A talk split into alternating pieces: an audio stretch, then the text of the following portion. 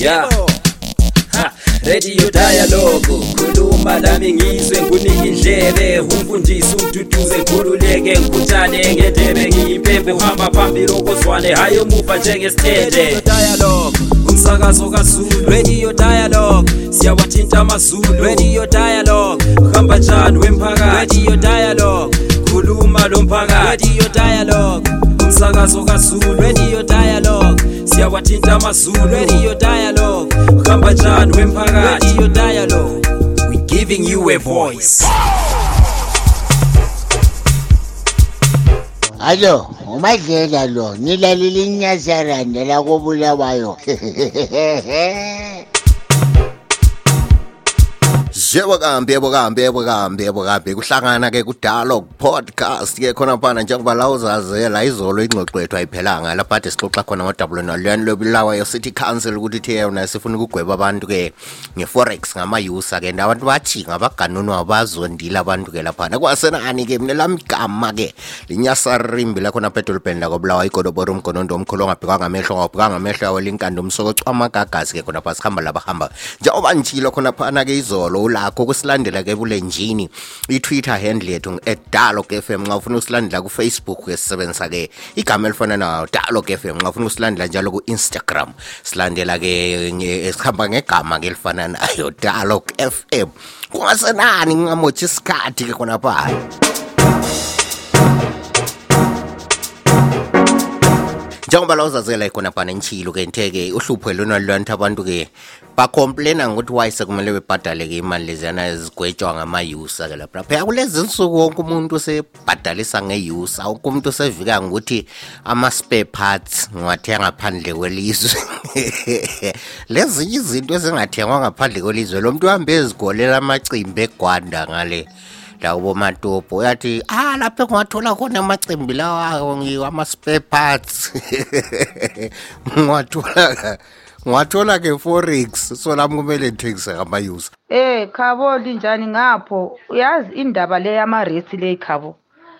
Uyazi mina njengami ngithukuthele sibili usithi council kayenzi kuhle u-BCC mina angila sikwerede engim-owa sona ukhansila ngitsho le one month okuthiwa ngiyake ngiyeqise ngingabhadalanga ngiyahamba kathesi ngiyabuza iphepha lamanzi libhale 25000 rtgs ngihamba etablock ngifika ngibuze kuma-water inquiries laphana ukuthi kathi isikwerede lesi se-25000 sivela nga bathi labo abakwazi ukuthi u- u- ukhansila engabe ekhweze njani lama-rates abo abakwazi njani abakwazi njani zona ziyizisebenzi ezisebenzayo?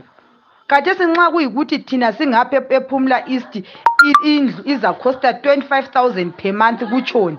Uhambe futhi uyebuza khonaphana etablock lapho oku- okumele uthole khona usizo bethi bona bakwazi ukuthi sivela nga angikwazi. Mina ngibatshelela ngathi angisibhadala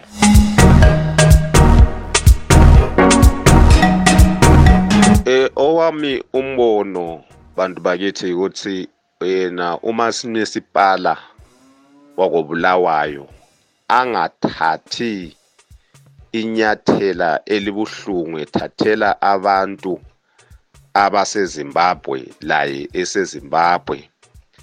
Nxa yena sokungaphezu kwamandla akhe ngemali yeZimbabwe kakhulumisane lehulumeni yaseZimbabwe iziphathamandla eziphetheyo. Kulungisiswe khona ngale ngaphezulu udaba lokuba bengaphefumula njani. Ngoba thina sonke kuleli eleZimbabwe imali yethu esiyiholayo iyona leyi esibhadala ngayo. Leyi eyangaphetsheya kwele America siyithola ngendlela ezibuhlungu ngoba siyithenga ngemali yakwethu. Ingasaphakami ukubana siphile.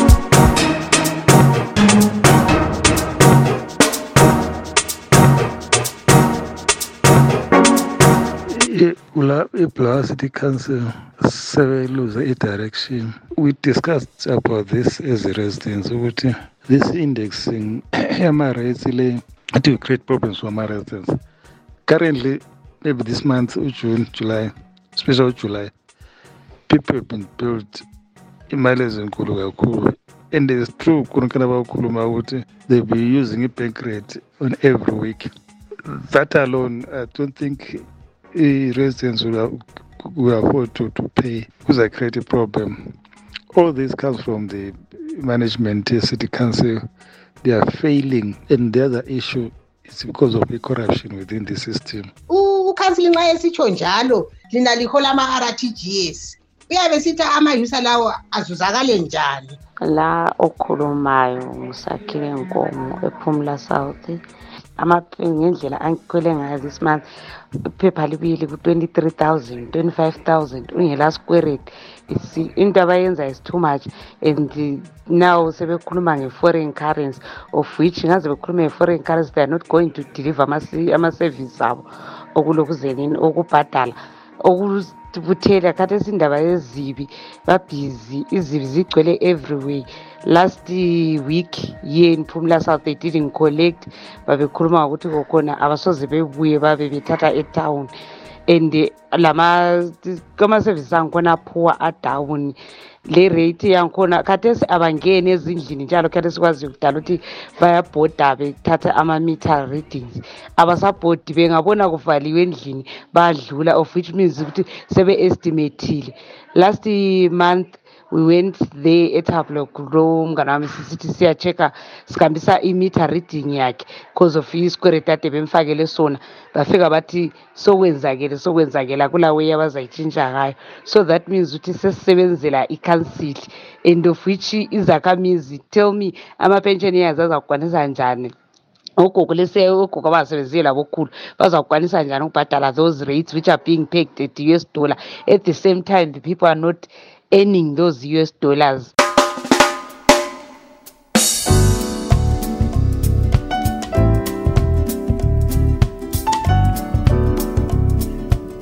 Konke khona kuyani uphawulelwe ngumsakazo wakho phela. Idalog f m ungakhohlwa 0773284598 ke lawo lakho-ke usithumela-ke umqhafazo khonaphana-ke ku-whatsapp. Usitshele ukuthi kwenzakalani usitshele njalo ukuthi wakho umbono uthini? Kungenziwa njani ngodabulonolu ngoba ubulawayo city council uthi yena-ke um izinto-ke laphana imithi yona leyani yokuthi sithole amanzi ahlanzekileyo ukuze bekwanise ukulungisa imigwaqo lani lani.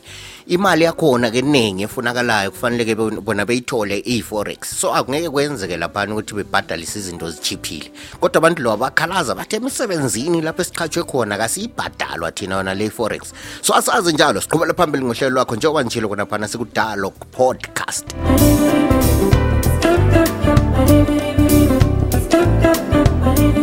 yona i-st council ama-workers akhe aka-city council waholisa i-foreign currency yini okokuqalathi njengobana bona bezofuna i-foreign currency imali yemzini nxa bona befuna imali yemzini imali yangakhaya bengayifuni. Bathi kuthiweni nje abantwababo bathola imali yangekhaya yabayiholayo abaqale beholise abantwababo imali yangaphandle njengoba befuna imali yemzini sebenzi ukuze imali yakhona itholakale sizayithola ngaphi?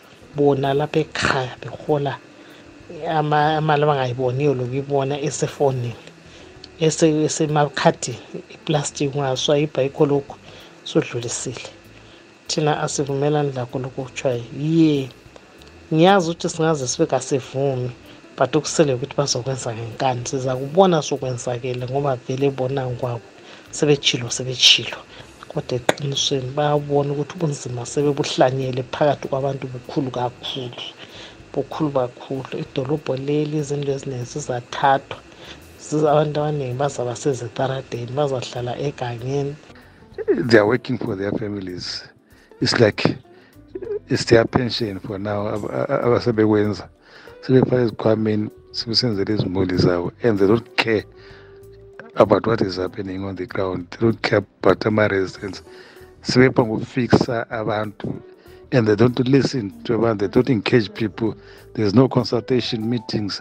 How can you raise my rates in the, i mean they forget because they employ it those are our servants. They must listen to uh, what we tell them. Not ukuthi khona bona basitshele owenze akuyenza so mina my observation or my thinking ukuthi lapha is like we are wasting our time talking to them. I think people should just go on the street and demonstrate ngalokho-ke sesifike kunqengetshe kuhlelo lwakho lwanamhlanje-ke i-podcast yakho iphawulelwe idalog dialog f m khona phana njengoba ntshilo ulakho la ukuzilandela-ke zonke inhlelo zethu-ke khonapha-ke ngosithumela-ke umqhafazo ku-077 3284598 ulakho njalo ukusilandela kutwitter i-handle yethu -at dialog f m. Nxa ufuna ukusilandela-ke kufacebook ikhasi lethu libizwa-ke dialog f m. Nxa ufuna njalo ukusilandela ku-instagram sisebenzisa-ke igama elifana nayo njalo. Kusukusela-ke iminya sarimbi lakhonapha-ke edolobheni lawo lawo sithi ngithi siyabe yasihlangane njalo kwamanye amanye ama-podcast ungakhohlwa phela-ke silayo-ke i-freedom pioneers of africa silayo-ke njalo-ke le dialogue sport lapho esikhangele khona-ke zemidlalo silayo-ke njalo layona la ama-dialogue podcast lapho esikhangele khona-ke ze-service delivery kusukusela-ke iminya sarandela kobulawayo ngithi kwanamhlanje kwanele usale kamncwa ugoje ugoje.